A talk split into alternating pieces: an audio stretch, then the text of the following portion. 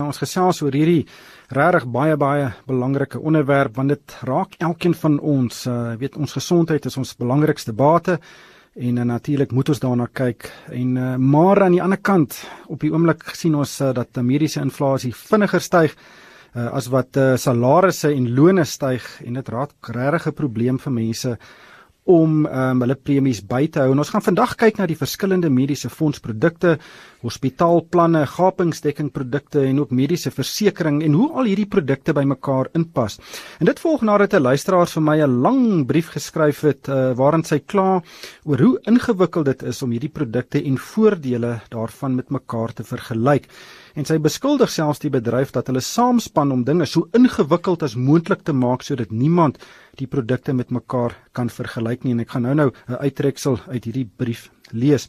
Nou om my te help is uh, daar drie gaste, Barbara Mandel, sy's 'n finansiële raadgewer by die FPI, Gerrit van Emmenus, hy is hoof van die Bonitas uh, Mediese Fonds en ook als um, Alicia Skuman Sy is 'n regsadviseur by die Raad van Mediese Skemas en ek gaan vir hulle hierdie die moeilike vrae vra oor hoe mens dit met mekaar kan vergelyk. Maar ek wil graag hierdie gesprek begin met 'n brief van Marie van Deventer wat ek uit Centurion ontvang het, 'n pragtige handgeskrewe brief. En sy sê sy is 54 jaar jonk en nog baie gesond. Maar uh, ek is enkel lopend en moet na myself kyk. Nou weens die swak ekonomie het ek die afgelope 2 jaar nie 'n verhoging in my inkomste gesien nie, maar die premie van my mediese fonds het met sowat 10% per jaar gestyg. My mediese fondspremie is nou basies dieselfde as my maandelikse huur en ek kan bloot eenvoudig dit nie meer bekostig nie. Ek is nou besig om na ander opsies te kyk wat goedkoper is. Dit sluit goedkoper mediese fondsprodukte, mediese versekerings en hospitaalplanne in. En ek kan egter eerlik sê dat dit onmoontlik is om die produkte met mekaar te vergelyk. Almal se voorwaardes, voordele en uitsluitings verskil en ek is seker dit word doelbewus deur mediese fondse gedoen om mense te verwar. Kan julle dalk vir my raad gee oor hoe ek te werk moet gaan om die meeste waarde uit mediese dekking te kry. Kan ek byvoorbeeld 'n mediese fonds met 'n kombinasie van mediese versekerings en 'n hospitaalplan vervang? Nou Barbara Mandel, sy's 'n finansiële raadgewer by die FPI, is saam met my in die ateljee. Barbara, welkom by die program. Wat moet Marie doen? Dankie Ryk.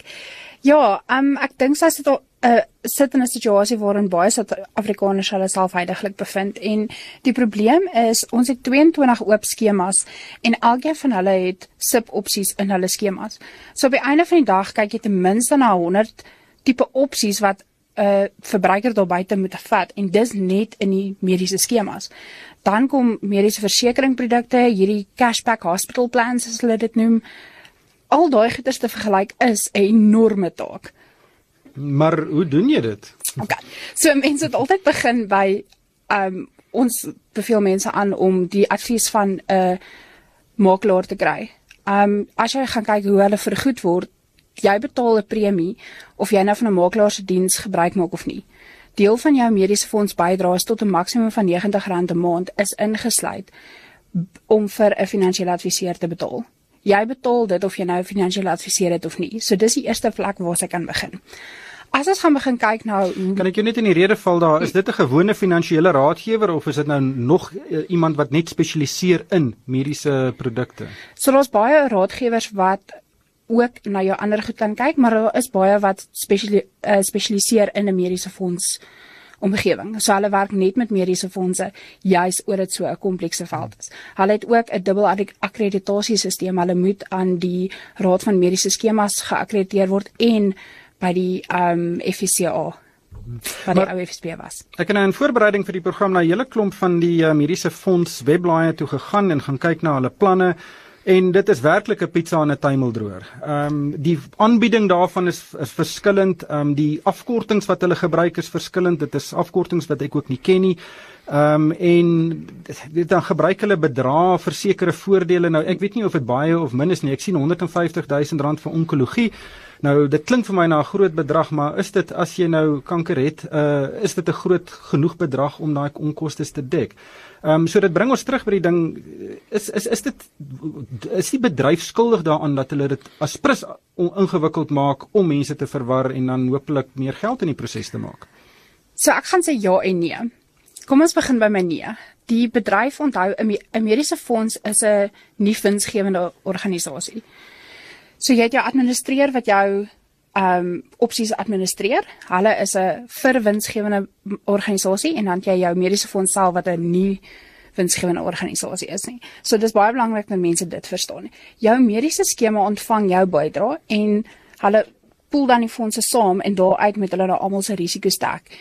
So elke jaar moet hulle aan die Raad vir Mediese Skemas hulle planne voorlê en sê dit is wat ons gaan dek hierdie jaar en dan word dit goedgekeur of afgekeur met veranderinge. Ek dink wat belangrik is is om terug te gaan na die boublokkies van 'n mediese skema om mense te help om dit te verstaan. Want dit sal ook um help om te verstaan hoekom hulle dit doen. So jy het jou gewone hospitaalplan, dit dek 90% van die keer alles wat in die hospitaal gebeur met jy um vooraf toestemming gekry het vir die prosedures. So dis jou basies. Dan kry jy 'n spaarplan wat jy bo op dit kan sit. So dan het jy doktersbesoeke, jou medisyne, al daai tipe goedjies wat dan uit jou spaarplan kan betaal. Dan kry jy 'n uh, addisionele wat hulle noem beperkte dag te dag voordele. So jy kry byvoorbeeld 4 doktersafsprake 'n jaar, 6 ehm um, fisioterapie afsprake. Dit word elke keer per skema. Dan kry jy 'n omvattende planne wat al hierdie goeder saam sit en hulle gee 'n bietjie meer voordele. Nou boop die moet jy dan ook onderskei dat die mediese fondse vir meeste van hierdie opsies het ook dan 'n uh, opsie om te sê ek wil in, aan 'n netwerk behoort of ek wil nie aan 'n netwerk behoort nie. Hmm. Ek gaan vir Gerard van Emmenis uh, in die gesprek inbring. Hy is die hoof van die Bonitas Mediese Fonds. Gerard, welkom by die program. Ehm um, voor ons nou oor die aanbieding van die planne kom, sien julle by Bonitas dat daar mense is wat onder finansiële druk verkeer en dan hulle produkte afgradeer om goedkoper premies te betaal?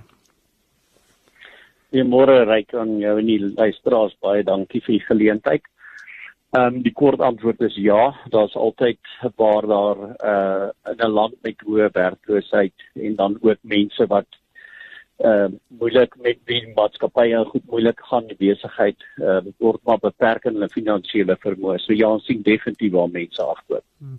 Maar dink jy die proses uh, van vir mense om die verskillende produkte met mekaar op te weeg is deursigtig en hmm. eenvoudig genoeg dat mense 'n uh, ingeligte besluit kan neem um, sodat hulle nou nie te veel van hulle voordele afskaal as hulle wil minder betaal nie. Ry, kom ek stel dit so. Ehm um, ek stem heeltemal saam. Dis baie moeilik vir die vir die gewone Jan publiek. Maar die mense wat wel moet besef is uh, as ek ons as voorbeeld kan vat, ons het 14 produkte, 14 opsies wat aan 770 000 lede hulle hulle behoeftes moet voldoen. So jy gaan 'n gekompliseerde omgewing kry of jy dit wil weet of nie. Wat baie interessant is is dat die die wet op mediese skemas het in 1998 uitgekom. En hy het redelik weinig verander rondom voordele. So wat die wat die verskillende fondse soek is maar bietjie om te diferensieer van jou kompetisie of iets maar 80% van alle produkte bevat dieselfde kern. So die die publiek kan nie heeltemal 'n fout maak, jy weet, as hulle daar daar's wel produkte wat fokus op jonger mense, mense wat pas 'n gesin begin het, mense wat ouer is, se goed is so. Hmm. En hy word natuurlik prys en hoe ryk en voordele is, maar in in die breë terme is dit redelik voldoende vir enige iemand wat 'n produk hy ook al kies. Maar weer eens, hoe moet jy dit kies? Dit klink nou wat Barbara vroeër gesê het is dat jy nou deur 'n makelaar moet gaan wat hom nou self in of haarself instudeer het in mediese fondse om die beste een te kies. Ehm um, sal jy aanbeveel dat mense nou maar eerder daai roete volg as om direk nou op julle webblad te gaan en die planne met mekaar te probeer vergelyk? Ryk, ehm um, as ek kan teruggaan met jou openingslyn wat jy mee begin het om te sê is jou grootste bate, dan moet dit altyd 'n ingeligte besluit nie wees. En wanneer die verbruiker nie gemaklik is om ons instrumente wat ons ontwikkel het om wel vergelyking tussen produkte te doen op die webtuiste of waar ook al gebruik nie, sal ek altyd aanbeveel kry vir jou 'n makelaar en maak 'n ingeligte besluit. Wat is jou uh, ervaring van julle kliënte? Is hulle baie ingelig oor die produkte wat hulle kies en kies hulle gewoonlik die regte ene as hulle dit self doen? Weet jy, ons het 'n baie lae persentasie van mense wat jaarliks 'n opsie verwissel. So het sy opkoop, um, wat gewoonlik die geval is wanneer daar 'n nuwe siekte gediagnoseer word of toestand wat die lid moet voorsiening voormaak of dan andersom wanneer die lid finansiëel dit nie kan bekostig nie of nie die omvattende produk nodig het nie. Wat vir ons 'n redelike aanduidende faktor is dat ons gee vir mense die regte advies en ons plaas hulle die eerste keer by die regte produkte. Barbara, jy skud jou kop. So, die probleem is baie mense verstaan nie hulle mediese skemas nie. Dis alles ongelukkig met 'n mediese skema want hulle kry nie al die voordele wat hulle gedink het hulle kry nie en oor hulle dit nie verstaan nie, weet hulle nie om daai opsies uit te oefen nie. So, ek speel vir stress en my my kop in die sand eerder en ek hou maar by wat ek gehad het want dit het soort van my gewerk, maar nie regtig nie. Ek is maar ongelukkig, maar ek het dit nodig, so ek gaan maar net aan. Hmm. Hier's 'n hele klomp SMS'e, ehm um, uh, Gerard wat uh, weet dui op uh, onsekerheid. Ehm um, dis onmoontlik om dit mekaar te vergelyk.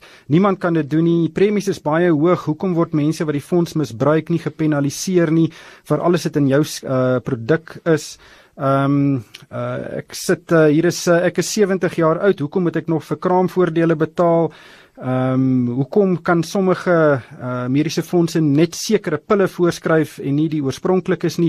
So gerre daar is 'n uh, onsekerheid. Ehm um, dink jy nie daar's dalk 'n behoefte in die bedryf vir bietjie meer opvoeding en om mense in te lig uh om hulle dan te help om om beter keuses uit te oefen nie? Ongetwyfeld, ehm um, mense kan nooit mense genoeg opvoed ehm um, en inligting gee nie. Die probleem baie keer of die uitdaging is ehm um, dat die mense nie altyd op daai stadium 'n gewillige gehoor is nie want hy het nie 'n behoefte om dit te verstaan of tot in die detail wat hy dit wil hê nie. En die oomblik as hy dit nodig kry, jy weet dan dan sou ons almal op die agtervoet. Wat ek wel graag wil sê en ek het vroeër verwys daarna. Ons het 14 produkte en ons moet 770 000 lewens dek en gelukkig hou. So jy kan dink dat kraamvoordele gaan 'n meeste voorkom en dit kry subsidieer van die een na die ander toe. Maar is ook so dat jong mense voordele het byvoorbeeld vir Alzheimer en Parkinson se goed. So jy moet jou produkte redelik omvattend maak. Jy kan nie net jy weet uh, selektief kies nie. Rondom die misbruik en en die bedrog wat plaasvind in die industrie is ons besig met 'n groot veldtog en het ons selfs uh, nou dag op Andri se program daarna verwys. Ons het sagte ware van Kanada ingevoer en ons is besig om hierdie mense vas te vat want dit is 'n astronomiese bedrag wat jaarliks verlore gaan met misbruik of oorgebruik of bedrog. Hmm. Ehm um, sien julle dat uh, hospitaalplanne en en en mediese versekerings uh, meer gewild word as vir mense om hulle mediese fondsproduk uh weet te vervang of om 'n goedkoper produkte aan te vul? Ja, ehm um, daar is definitief plek vir of ruimte vir 'n kombinasie van 'n mediese fonds en dan 'n uh, aanvullende produk. Ehm um, mense moet net baie bewus wees van as jy jou mediese fonds met mediese versekerings vervang dat die twee glad nie dieselfde ding is nie die een word onder die wet van mediese skemas bedryf en dit beteken ek is verplig om sekere omvattende voordele vir 'n toestand of 'n gebeurtenis of iets te gee. Die ander een is 'n individuele produk wat na my risiko kyk en wat beperkte limite het. So hy gaan my betaal tot op 'n punt en dan stop hy of jy gesond is of nie en of jy nasorg of nie. So dis 'n doodseenvoudige uitkeerproduk. Hmm. Hier is 'n hele paar SMS'e wat basies dieselfde vraag vra en dit is uh, uit 'n pensionaris se oogpunt voel hulle dat die die die kostes styg te vinnig en dat hulle vir 'n lang tyd bygedra het tot die fonds en ander pensionarisse gekry subsidieer het en nou moet hulle wanneer hulle nie regtig uh, genoeg geld het nie hierdie hoër premies betaal. Ehm um, hmm. hoe moet pensionarisse kyk na die premies wat hulle betaal? Ryk eerstens kan ek vir jou sê, ehm um, hulle is feitelik korrek. Uh, daar kan nie twyfel wees nie die bedoeling met die wet op mediese skemas in 1998 was dat elke persoon wat toetree tot die formele ekonomie sou verplig wees om daaraan te behoort. So ons ons sou bly jong bloed inkry om te help kry se subsidieer. Dit het nie gebeur nie. En nou kan die die die pad waarheen dit loop ongelukkig net na die prys toe gaan. Rondom gesondheidsorg as jy my net sal toelaat om hierdie opmerking te maak die die inflasie van gesondheidsorg gaan altyd hoër wees as normale inflasie. En die kern daarvoor is want dit is jou prys maal die hoeveelheid verbruik per jaar van die verskillende uh prosedures, medisyne en alles. En hoe ouer jy word, hoe meer gebruik jy. So hy styg bietjie hoër. Die tweede ding is tegnologie speel 'n baie groot rol en anders as tegnologie in enige ander bedryf is tegnologie in ons bedryf eerstens om lewenskwaliteit te verbeter en nie om koste te bespaar of om dit meer koste-effektief te maak nie. Dan moet ons in Suid-Afrika nooit vergeet dat ons sit met twee elemente wat die res van die wêreld nie meer sit nie. Die een is uh trauma en en geweld wat redelik baie van hierdie koste opjaag, ongelukke, aanrandings, daai tipe van goed. As ook ons sit nog redelik met infeksie siektes in Suid-Afrika aansteeklik soos malaria, tuberkulose, mm. uh vigs, daai tipe goed. So ons sit met ander uitdagings en ons moet iewers sal ons moet verstaan dat hierdie goed gaan so werk. Nou wat ons doen interessant van jou lede sê maar hoekom kan ek nie die oorspronklike medisyne of hoekom dit dis alles metodes wat ons probeer om die premies laag te hou om in bulk aan te koop om generiese produkte te koop en en anderste sou die inflasie selfs nog hoër gewees het per jaar. Hmm. Dit is uh, Gerrit van Emmen is hoof van die Bonitas Mediese Fonds wat so gesels en nou gaan ek met Alicia Skooman gesels. Sy's 'n regsadviseur by die Raad vir Mediese Skemas. Alicia, welkom by die program. Uh, wat is julle siening van hoe deursigtig en vergelykbaar die verskillende mediese fonds opsies is wat daar beskikbaar is? Goeiemôre Ryk en luisteraars dit is 'n probleem in die industrie as mens net dink aan enige produk wat jy gaan koop, baie keer 'n kontrak wat jy teken. Mense lees nie gewoonlik wat hulle voorteken nie. Dit is dieselfde met mediese fondse. Dit is 'n kontrak wat jy teken en daai kontrak is die reëls van die mediese fonds. Nou ons het omtrent 81 mediese fondse nou en elkeen het sy eie unieke voordele en hulle is in kompetisie met mekaar, so dit gaan wees dat dit verskillend is. Maar een ding wat ek wel kan sê is dat die wet maak voorsiening dat sekere aspekte gestandaardiseer is. Soos byvoorbeeld alles wat in die reëls moet wees, word die wet skryf voor wat moet in die reëls wees. Die minimum voordele waarvan die ander sprekers ook gepraat het, is dieselfde voordele op elke opsie van elke skema wat presies dieselfde is. So ek dink as lede gaan en hulle maak hulle self bewus van wat is hierdie minimum voordele en waar kry hulle daai inligting, dan het hulle al klaar 'n groot deel van die industrie wat hulle verstaan. En dan van daar af moet jy maar net kyk wat is my gesondheidsbehoeftes en wat is die prys wat ek kan betaal.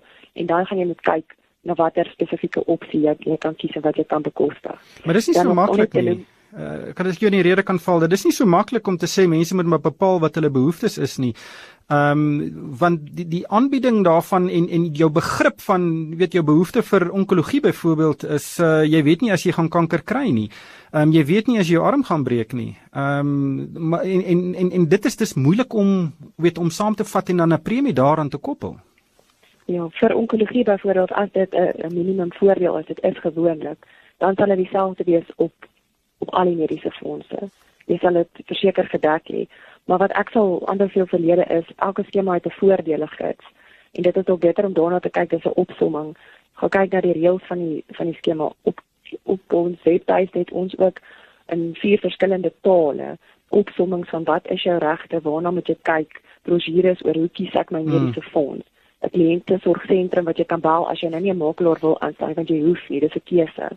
Ja. As jy nie makelaar wil hê nie, hoef jy nie een te gebruik nie, maar dit is ook weer 'n ander opsie. En dan het ons ook reëls wat ons die modelreëls op ons webtuiste wat ons vir skemas sê gebruik as die vier reëls as 'n basis sodat dit makliker verstaanbaar is vir lede van die publiek en verstaanbare taal en terme sodat dit vir hulle makliker is. So ons probeer om so ver as moontlik seker te maak dat daar is 'n tipe van 'n standaard sodat dit makliker verstaanbaar is. Maar dink jy dis voldoende en dink jy die bedryf gee gehoor daaraan? Al ons kan hulle nie forceer in terme van die wet nie. Ons kan net die die riglyne uitsit en probeer om om lede te help ook. So ons verwelkom ook enigiemand wat nie verstaan nie of 'n probleem het om onsself te kontak en dan sal ons hulle help om om die nodige inligting in die hande te kry. Maar in die jy weet die aard van die industrie is maar dat dit baie tegnies is. Dankie Elisha, dit was Elisha Skuman. Sy's 'n regadviseur by die Raad vir Mediese Skemas. Barbara Mandel, finansiële raadgewer by die FPI. Jy het nou geluister na mediese fondsbaas en en na die reguleerder basies. Uh wat moet Marie doen? Ek uh, kan in myself nie heeltemal insien presies wat sy kan doen behalwe om miskien na 'n makelaar toe te gaan nie. Ja, ehm um, makelaars het die al die skemas bestudeer. Hulle verstaan hoe dit te werk moet gaan en hoe hulle kan byvoorbeeld al vorige jaar se eiskema uh, staat vat en dit vergelyk met die opsie waarop sy is en dit dan so vra probeer uitpleis. Maar ek myself het 'n het 'n makelaar want ek weet as jy, daar moeilikheid kom, weet ek waar om te gaan. So jy is 'n finansiële geregistreerde finansiële beplanner en jy gebruik 'n makelaar om jou mediese versekerings ja. te bestuur. Wel ongelukkig uh, moet ons dit daar bietjie haltroep. Ek sien hier is uh, seker maklik 40 SMS'e wat ingestroom het. Uh, baie vrae oor mediese fondse en opsies. Uh, dis 'n werklike ingewikkelde produk en ek dink of 'n ingewikkelde debat eerder en ek dink ons gaan in die toekoms heelwat meer kyk na die mediese versekeringsopsies wat uh, luisteraars kan oorweeg om hulle premies 'n bietjie in te kort. Ek wil baie dankie sê aan my gaste vandag, Barbara Mandel, finansiële raadgewer by die FPI, Gerard van Emmenis, hy's hoof van die Bonitas Mediese Fonds en Alicia Skuman, sy's 'n regsadviseur by die Raad vir Mediese Skemas. Luisteraars is welkom om vir my 'n e-pos te stuur. My adres is ryk@moneyweb.co.za. Dit is ryk met 'n lang y en uh, daarmee moet ek groet. Dankie vir die saamluister.